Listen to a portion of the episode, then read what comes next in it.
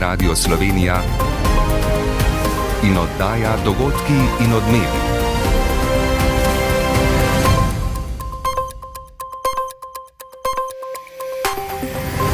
Ura je 15 in 30 minut. Dobar dan. Lepo pozdravljeni. Slovenci se srčno odzivajo na zbiranje pomoči za Turke in Sirce po silovitem potresu, ki je zahteval več kot 19 tisoč življenj. Na pot je krenil prvi slovenski tovornjak z materialno pomočjo. Kar pomeni in šotori, in grelci, in odeje. Tako vodja uprave za zaščito in reševanje Leon Behin. Naša država Turčiji in Siriji namenja tudi za pol milijona evrov humanitarne pomoči. Denar za letala za gašenje iz zraka bo, poudarja vlada. A kdo jih bo upravljal? Pristojnih ekip pri nas namreč primankuje. Kot pravi poznavalec razmer Miran Kranc, bi morali pilote namensko iskati. V aeroklubih potem pa na podlagi štipendij. Več članic Unije je Ukrajini pripravljenih dobaviti tudi sodobna bojna letala. Po današnjih pogovorih v Bruslju ocenjuje ukrajinski predsednik. Вільну Європу сьогодні вже не уявити без вільної України. Volodimir Zelenski ustraja, da je svoboda Evrope odvisna od usode Ukrajine. To je sicer ena od tem današnjega vrha Unije, na katerem pretresajo tudi ukrepe za obladovanje migracij. Ne Kilde, ne Odermat. Novi svetovni prvak v superveleslalomu je kanačan James Crawford. Tudi jutri bo po mrzlem jutru čez dan sončno. Z vami sva Luka Bregar in Sara Lutrič. Začenjamo pa z aktualnim dogajanjem glede plač v javnem sektorju. Izhodišča za prenovo plačnega sistema v javnem sektorju so bila danes predstavljena sindikatom. Na novinarsko konferenco, na kateri bo pristojna ministrica Sanja Ajanovič-Hovnik predstavila podrobnosti, še čakamo, dogajanje pa spremlja kolegica Katja Arhar. Dobr dan. Dobar dan. Katja, kakšne novosti neuradno ali kot se namiguje predvideva vlada? Ja, končno lahko rečemo, je vlada danes sindikatom predstavila izhodišče za prenovo plačnega sistema. Nekaj predlogov oziroma nekaj informacij je že v minulih tednih Mhm. prišlo v javnost. Recimo to, da se bodo plačna razmerja urejala znotraj šestih stebrov za posamezne dejavnosti. Plačna lestvica naj bi bila enotna, razmerje med najnižjo in najvišjo plačo pa je na predlog sindikatov predlagano pri 1 proti 7, s tem, da najnižja plača ne bi bila nižja od minimalne plače. Zmanjšano, zmanjšal naj bi se tudi razpon med plačnimi razredi. Zdaj je ta vreden 4 odstotke, po novem bi bil 3 odstotke, kot smo izvedeli, pa naj bi bila napovedana tudi zamrznitev napredovanj. Kaj pa prvi odzivi sindikatov na predloge vlade? Sindikatom bo vlada zdaj po predstavitvi poslala tudi pisna izhodišča, zato kašnih poglobljenih analiz sindikalne strani še ni. Vse slišano bodo najprej proučili in se opredelili do tega. Kot nam je pojasnil sindikalist Janko Počivalšek, so nekatere stvari precej problematične, del predlogov pa se prekriva z njihovimi sindikalnimi predlogi. No kaj pa meni Branimir Štrukelj, drugi sindikalni pogajalec, pa prisluhnimo.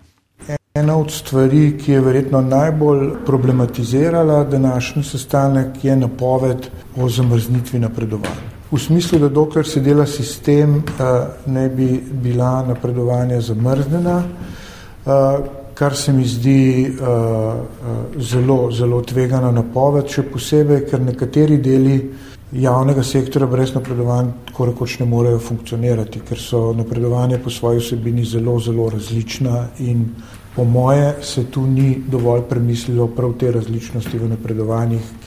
Odprtih vprašanj je veliko, pravijo sindikati, zato bo prihodne tedne še zanimivo spremljati pogajanja med vladno in sindikalno pogajalsko skupino.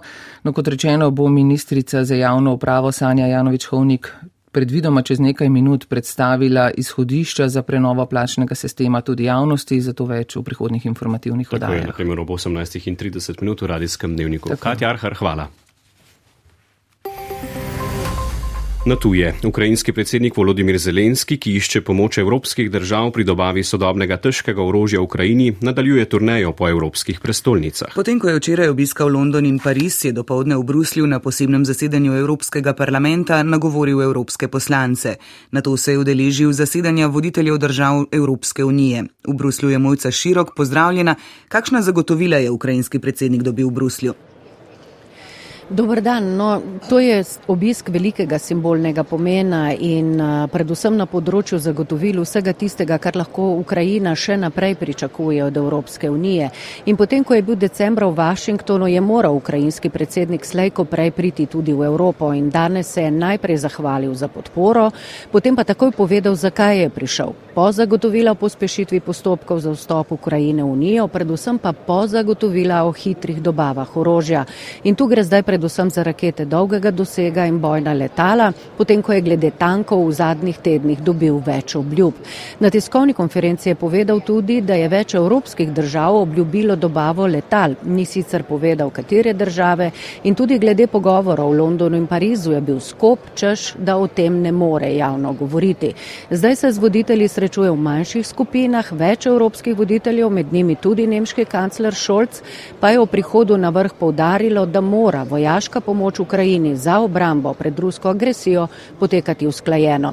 No, Slovenija danes ne bo po, uh, napovedala nobene dodatne pomoči, je pa po besedah premijeja Goloba glede na število prebivalcev ena največjih donatork v preteklem obdobju. In na vprašanje o napovedih evropskih držav o dobavi tankov in kaj lahko Slovenija pri orožju sploh lahko ponudi, pa je odgovoril in prisluhnimo. Bojim se, da gre pretežno za verbalno tekmovanje. Vprašanje je, koliko je tega dejansko na terenu vidno. Bomo počakali in bomo videli, kaj od tega bo realizirano, pa predvsem kdaj. Slovenija je svoj del v lanskem letu dala, brez velikih besed, Tako in torej- dala je hitro. Tako torej premije Golob. Mojca vrh se zdaj nadaljuje z drugimi temami, med katerimi pa so tudi migracije. Kaj lahko pričakujemo? No, voditelji naj bi sprejeli predvsem sklepe o ukrepitvi varovanja zunanjih meja Evropske unije in vračanju migrantov, ki nimajo pravice do mednarodne zaščite v Uniji. In to zato, ker je lani v Unijo nezakonito vstopilo 330 tisoč ljudi, kar je največ po letu 2016. Slovenija po besedah premijeja Goloba ne podpira predloga, da bi fizične ovire na zunanjih mejah Unije plačevali z evropskim denarjem, k čemu sicer poziva več držav, med njimi tudi Avstrija. Slovenska izkušnja pa kaže, tako premije, da ograje problema migracij ne rešujejo. Mojca Širok, hvala in lepo zdrav Brusel.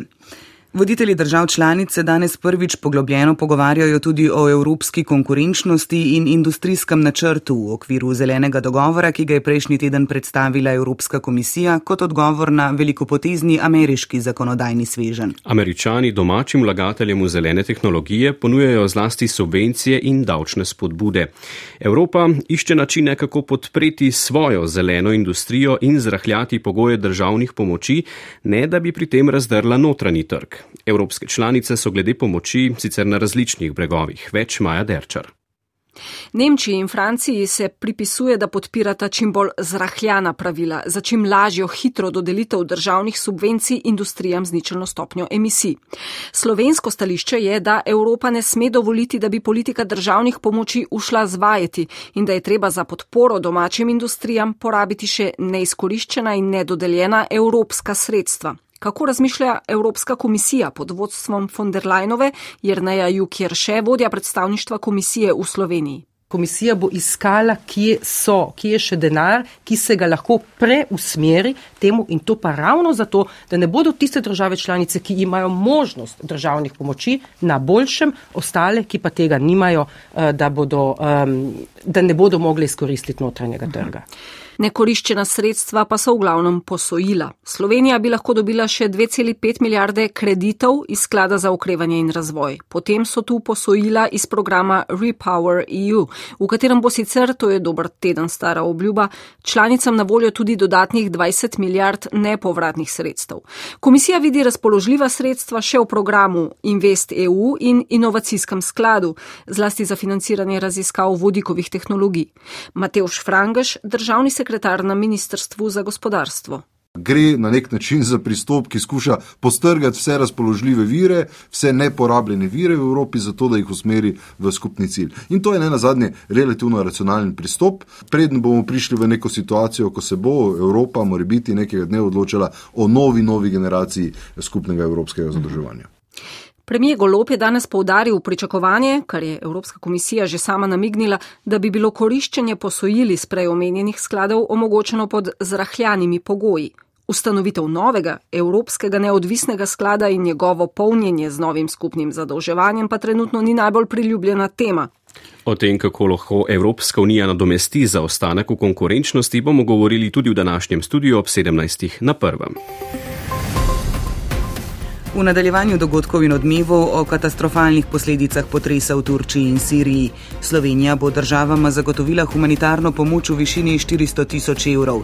Iz logističnega centra Roje v Ljubljani pa se je na pot že odpravil konvoj z materialno pomočjo za prizadete v Turčiji. Predsednica republike Nataša Pirc-Musar je na obisku pri nemškem kolegu Frank-Walterju Steinmeierju. Po pogovorih sta povdarila odlične odnose med državama in usklajenost stališč med drugim glede Ukrajine in Zahodnega Balkana ter nujnost nadaljevanja procesa Brdo-Brioni. Predsednica je ob tem povdarila, da se želi izogniti ideološkim temam. Sama bi se želela posvetiti ja, podnebnim spremembam in pa mladim. Več tudi o preruškem posnetku, ki je skrivaj nastal tik pred nastopom kulturnega Mavka decembra 1941. Inženirka zvoka Emilija Soklič ga je danes izročila programu Ars našega radia. V katastrofalnem potresu, ki je v ponedeljek prizadel Turčijo in Sirijo, je po najnovejših podatkih umrlo že več kot 19 tisoč ljudi. Na prizadeta območja prihajajo reševalne ekipe z vsega sveta. Zdaj jim je uspelo priti tudi do prizadetih območij v Siriji. Številni v Turčiji sicer izražajo nezadovoljstvo z učinkovitostjo domačih reševalcev, kar skuša na terenu ublažiti predsednik Recep Tayyip Erdogan. Podrobneje v prispevku Marjana Vešligaja. Na jugovzhodu Turčije naj bi bilo pod ruševinami še vedno več deset tisoč ljudi. Po ocenah tamkajšnjega sezmologa Ovgina Ahmeta Erčana morda celo dvesto tisoč. Zaradi hudega mraza je upanja za nje vse manj. Med številnimi reševalci je tudi slovenska ekipa pod vodstvom Blaža Turka. Smo v mestu Hataj, že drugi dan, včeraj takoj po prihodu smo pričeli z preiskovanjem prostorov, objektov, ruševin. Eh, praktično celo mesto porušeno. Eh, tisti objekti, ki še stojijo, so zelo nevarni za porušitev. Vsak popotresni sunek bi lahko tudi eh, ta objekt porušil. Včeraj smo zaznali več popotresnih sunkov in se tako umaknili z delovišč. V mesto Gaziantep je danes prispel Evropski komisar za krizno upravljanje Janez Lenarčič. Evropska unija je v okviru reševalnega mehanizma Turčiji namenila 500 nastanitvenih enot, 2000 šotorov in 10500 postelj. Svetovna zdravstvena organizacija medtem opozarja na izjemno težke razmere v Siriji, kjer je šele četrti dan po potresu prispel prvi konvoj šestih vozil s človekoljubno pomočjo. Odposlanec Združenih narodov Mazen Aluš je novinarjem povedal, da bodo pomoč razdeljevali na tako imenovanih osvobojenih ozemljih. V Turčiji je moč zaslediti nemalo kritik zaradi pomankanja opreme in odsotnosti strokovnega znanja pri reševanju ujetih izpod ruševin. To je posredno priznal tudi predsednik Recep Tayyip Erdoğan. Son tespitlere göre Med današnjim obiskom Gaziantepa je povedal, da zadeve zdaj delujejo normalno in da nihče ne bo ostal brezdomec. Potres je poškodoval tudi naftovod, zaradi česar so morali začasno ustaviti uvoz nafte iz Azerbejdžana. Poznavalci ocenjujejo, da sta potresa tako ali drugače prizadela 15 odstotkov turškega prebivalstva in da utegne učinkovitost odpravljanja posledic vplivati na volitve, ki bodo 14. maja oziroma na ponovno izvolitev Erdoana za predsednika države. Slovenija bo ob huma, zahtevnih humanitarnih razmerah, v katerih so se po potresu znašli prebivalci prizadetih delov Turčije in Sirije, državama namenila 500 tisoč evrov humanitarne pomoči, je na dopisni seji sklenila vlada. Včeraj je sicer v turško mesto Hataj prispela slovenska ekipa sedmih vodnikov reševalnih psov s spremljevalci in se takoj lotila dela. V Turčiji je tudi naš strokovnjak, ki koordinira evropske enote civilne zaščite. Pred približno uro se je na pot proti Turčiji odpravil tudi prvi konvoj z opremo za nastanitev prizadetega prebivalstva. Več v prispevku Jureta Čepina. Turčija je del mehanizma Evropske unije na področju civilne zaščite, kar pomeni, da je postopek sprejemanja pomoči in tudi izražanja potreb po pomoči standardiziran. Turčija je tako že ponedeljek zaprosila za samostojne in samooskrbne tehnične enote, ki so sposobne izvajati reševanje v roševinah in za strokovnjake, ki lahko pomagajo pri organizaciji in koordinaciji civilne zaščite. Včeraj pa je zaprosila tudi za materialno pomoč, predvsem v obliki šotorov, grelcev in odej, pravi vede direktorja uprave za zaščito in reševanje Leon Behin. In Republika Slovenija je bila med prvimi državami včeraj, ki je to pomoč tudi ponudila. in popovdne na dopisni seji vlade tudi potrdila. In danes je iz roj krenila prva glavnina te opreme, kar pomeni in šotori, in grelci, in odeje. Tako da je odziv v tem delu, lahko rečemo, v treh dnevih res maksimalen. Vrednost prve pošiljke je skupaj s prevozom ocenjena na nekaj več kot 245 tisoč evrov. Sredstva za pomoč prizadetim v potresu zbirajo tudi humanitarne organizacije. Rdeči križ in Slovenska Caritas zbirata finančne donacije, saj bi bilo pošiljanje materialne pomoči v tem trenutku logistično prezahtevno, pojasnjuje sekretar Mariborske območne enote Rdečega križa Metod Dolinšek. Mi smo odprli na Rdečem križu poseben transakcijski račun. Podatki o tem računu so tako na naših internetnih straneh, na Facebooku, kot na internetnih straneh Rdečega križa Slovenije. Slovenska karita se je v Turčijo in Sirijo prav tako že nakazala prvih 10 tisoč evrov, sredstva pa zbira z nakazili na transakcijski račun. Na predlog zonanega ministrstva bo sicer Slovenija namenila za 400 tisoč evrov humanitarne pomoči, del sredstev bo šel tudi čezmejnemu skladu za Sirijo. Ta je za mednarodno pomoč prvič zaprosila včeraj, ni pa del skupnega mehanizma, zato je transport materialne pomoči večji logistični zalogaj. Zadnja leta so zaradi podnebnih sprememb med naravnimi nesrečami, ki nas ogrožajo tudi požari v naravi. Vlada je zato konec prejšnjega leta dala zeleno luč za nakup manjših letal za gašenje požarov, zdaj pa tudi soglaša z dejavnostmi, ki bodo omogočile nakup letal za gašenje iz zraka. Tako je v veljavni načrt razvojnih programov do leta 2026 uvrstila nov namenski projekt za izgradnjo zmogljivosti za gašenje iz zraka, ki po predlogu obramnega ministrstva zajema nakup štirih manjših letal z možnostjo nakupa dodatnih dveh, kar pomeni opcijsko skupno do šest letal. Prispevek Roberta Škarjanca. Analize po lanskem požaru na Krasu so pokazale, da je najprimernejša rešitev za obvladovanje velikih požarov v naravi nakup novih manjših letal za gašenje Air Tractor AT802 Fireboss z zmogljivostjo odmeta 3000 litrov vode. Letos in prihodnje leto naj bi tako kupili po dve, leta 2025 morda še dve dodatni, skupaj torej šest letal. In če denar tokrat ni težava, pa bodo težave z ekipami, ki naj bi opravljale z letali. Milan Kranc iz podjetja Aero 4M, ki opravlja prevoze potnikov v poslovne namene po naročilu, bi pilote za to iskal. Po aeroklubih potem pa na podlagi štipendij, da bi se ljudi šolali. Drugače, to je kar zalogaje za posameznika. Pogodbeno pa bi lahko poskrbeli tudi za servis in plovnost Air Traktorjev. Zdržujemo tudi zelo podobna letala, kot je Air Traktor eh, in sicer Pilatus 5.6, motor je popolnoma isti. Enoto za gašenje pa bo treba tudi umestiti v sistem zaščite in reševanja in izdelati načrte za delovanje ter po potrebi dopolniti zakonske in podzakonske podlage za zajemanje vode iz vodnih virov v Sloveniji ter vzletanje in pristajanje letal na ustreznih vodnih površinah. Glede optimizacije stroškov in vzdrževanja pa bi se lahko poslužili rešitve, kot jo imamo pri reševanju in nujnih medicinskih prevozih. Osnovna baza bi tako bilo letališče Crkle ob Krki, v času požarne sezone pa bi bila letala premeščena na letališča bliže območjem z večjo požarno ogroženostjo, kot so Divača ali Ajdoščina. Le pilote moramo še najti. Dogodki in odmevi. Na drugem delovnem obisku v tujini v Nemčiji je predsednica republike Nataša Pirc-Musar. Z nemškim predsednikom Frank-Walterjem Steinmeierjem sta potrdila odlične odnose med državama in napovedala, da bosta sodelovanje v prihodnosti, predvsem na področju Zahodnega Balkana in podnebnih sprememb, še poglobila. Nemški predsednik je pozdravil zavezanost predsednice Slovenije, da se bo posvetila evropski integraciji Zahodnega Balkana. Več iz Berlina Polona Fijavš. Veliko hvalnic je predsednica Nataša Pirc-Musar o prvem obisku v Nemčiji slišala na račun Slovenije. Nemški predsednik Frank-Walter Steinmeier je poleg veselja, da lahko gosti prvo predsednico Slovenije, dejal še, da gre za državo, ki je kljub majhnosti dosegla velike stvari, predvsem z angažmajem na Zahodnem Balkanu in se zahvalil za vedno konstruktivno partnerstvo na vseh področjih. Predsednici sem zelo hvaležen, da nadaljuje dolgoletno trdno zavezo Slovenije k tesnejšemu sodelovanju in povezovanju držav jugovzhodne Evrope in Zahodnega Balkana. Predsednica Slovenije Nataša Pirc-Musar je napovedala, da bo proces Brdo Brioni nadaljevala. Predsednik Steinmeier mi je dal podporo, da razmišljam v pravo smer, kako se lotiti procesa Brdo Brioni. Razmišljala sem v smeri, da je morda letošnje leto primerno za to, da se ne dotikamo ideoloških tem in tem, ki delijo narode na tem območju.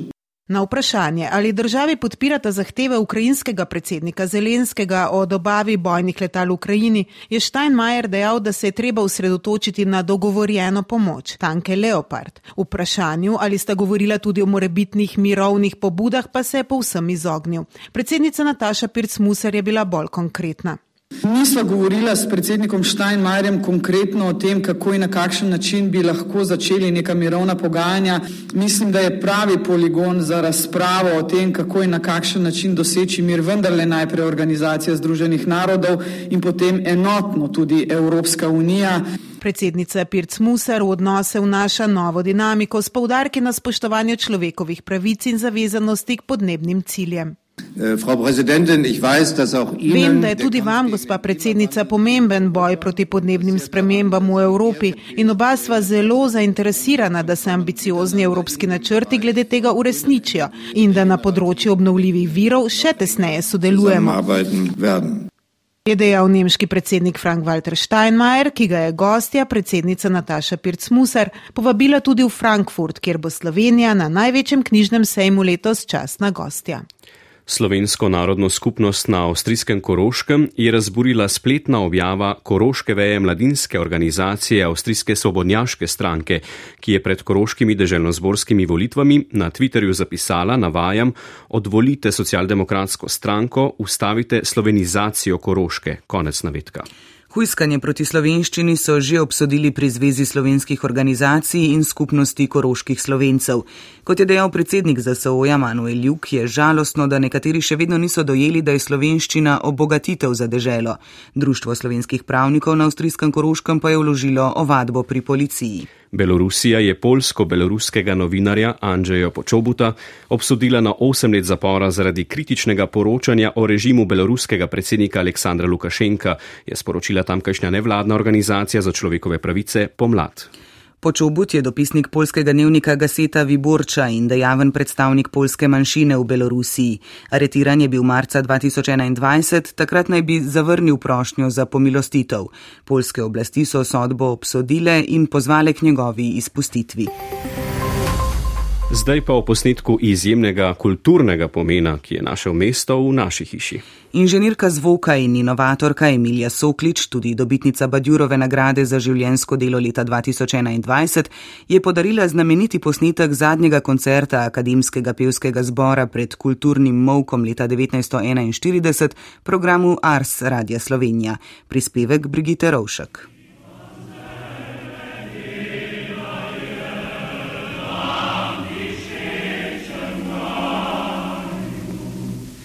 Ta posnetek je nastal 12. decembra leta 1941 z mikrofonom skritim v lestencu nad pevci Akademskega pevskega zbora pod vodstvom Franceta Marolta v Unionski dvorani v Ljubljani. V nadaljevanju posnetka je skrita prerogba slovenskega naroda slutna prelitih solza in krvi, ki so spremljale slovence od kulturnega molka, ki je nastopil naslednji dan, pa vse do osvoboditve. To je trenutek večnosti, esenca glasbe in besede, ki jo je na prepolovljeni filmski trak ujel Rudi Omota, tonski mojster in pionir slovenskega zvočnega filma. Posnetek je pozneje podaril sodelavki in prijateljici, inženirki zvoka Emiliji Soklič, in ta ga je danes izročila programu Ars Radia Slovenija. Ne morem vam povedati, kako ga težko razumem. Vse tisto, kar je bilo groze, to je v tem otroku. Jaz sem mislil, da bo, dobro, da bo raznesel dvorano. Fantje so stali na okni, gor za kljuke so se držali, da niso dol padli, da so prisostvovali tem. Emilija Soklič je trak podarila po priporočilu Andreja Pitaka. Program Ars se bo Emiliji Soklič in njenemu neprecenljivemu darilu, ki ga sprejema prav ob svoji 60-letnici, spomladi poklonil s posebno slovesnostjo. Če ste preslišali začetek te vdaje, strnimo, ministrica za javno upravo Sanja Janovič-Hovnik je sindikatom javnega sektorja predstavila dolgo pričakovana izhodišča za prenovo plačnega sistema. Podrobnosti naj bi bile znane še to popovdne, kot pa je po sestanku povedal sindikalist Branimir Štrukel, je sindikate zmotila napoved zamrznitve napredovanj. Ukrajinski predsednik Volodimir Zelenski se je v nagovoru evropskim voditeljem, ki zasedajo v Bruslju, zahvalil za dobave orožja. Pri tem je povdaril, da je treba biti hitrejši od Rusije ter pozval k bolj proaktivni drži pri sprejemanju sankcij proti Moskvi. Potres, ki je prizadel Turčijo in Sirijo, je terjal že skoraj 20 tisoč življenj. Slovenija bo državama zagotovila skupno pol milijona človekoljubne pomoči, ob tem bo v Turčijo poslala še materialno pomoč v vrednosti dobrih 450 tisoč evrov, zlasti opremo za nastanitev prizadetih prebivalcev. Prvi slovenski konvoj s to pomočjo je že na poti. Sledi šport, v katerem več o presenetljivem razpletu moškega supervele slaloma na svetovnem prvenstvu v Kurševelu. Z vami bo Tomaš Langerholz. Hvala za pozornost in nasvidenje.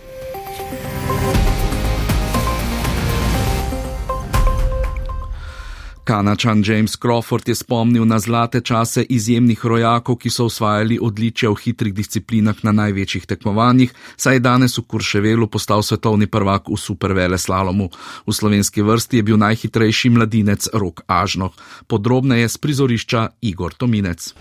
Tri izrazite favorite je imel današnji supervele slalom. Najboljšega smučarja te zime švicarja Marka Odermata, edinega, ki ga je letos premagoval v tej disciplini, Norvežana Aleksandra Omota Kildeja, ter domačina in največjega poznavalca te strmine Aleksija Pantiroja. Vse pa je presenetil 25-letni kanačan James Crawford, ki je dosegel uspeh karijere in za stotinko sekunde prehitev Kildeja. Pantiro je osvojil bron, Odermat pa je prizorišče zapustil razočaran s četrtim mestom. Od slovencev je edini lahko zadovoljen mladinec Rok Ažnoh, ki se je uvrstil na 25. mesto. E, jaz sem računal, da bojo fanti pred mano odsmučali dobro, da jih bom jaz lovil, tokrat pač e, ravno kontra, malo drugače pa na treningu. No. Neka solidna vožnja, nekaj je bilo napak vmes, na koncu sem pa z izidom čist zadovoljen. Miha Hrobat je bil 28. Nec Naraločnik 31. Martin Čater pa je odstopil. Najboljši slovenski namiznoteniški igralec Darko Jorgič je zmago začel turnir v jordanski prestolnici Aman, na katerem je prvi nosilec. V prvem krogu je s 3 proti 1 premagal Hrvata Tomislava Pucarja. Namiznoteniška zveza Slovenije pa je od danes zopet brez predsednika, saj je Aleksandr Igor Drev, ki je delo opravljal od lanskega novembra, nepreklicno odstopil. Košarkarji Olimpije so v 14. krogu Evropskega pokala v Kaunasu visoko 94 proti 68 izgubili proti Prometeju. Po 11. porazu v tekmovanju so slovenski prvaki še za korak dlje oddaljeni od želene vrstitve v izločilne boje. Komentar je pripravil Marko Polak. Obramba, ki do polčasa dovoli več kot 50 točk, je slaba obramba. Ko odpove še napad, košarkari Olimpije v zadnjih petih minutah in pol sinočnega dvoboja niso dosegli točke, je kristalno jasno, da je letošnja evropska sezona Olimpije izgubljena. Opazno pomankanje energije in samozavesti, ki je pošla pri posameznikih, je višek težav, ki so se kopičile od začetka sezone. Poškodbe in odsotnosti so vodile do pomankanja treningov celotne ekipe, to nadalje do neuigranosti in tako naprej do trenutnega stanja. Teoretične možnosti za uvrstitev v končnico, res da sila majhne, še obstajajo. V zadnjih štirih krogih bi morali ljubljančani dobiti vse svoje tekme in pri tem upati še na ugoden razplet tekem ekip, ki so jim na lestvici najbližje. Venecija, Breša in Liet Kabelis imajo štiri zmage na skoka, Bursa spor ob tekmi manj tri.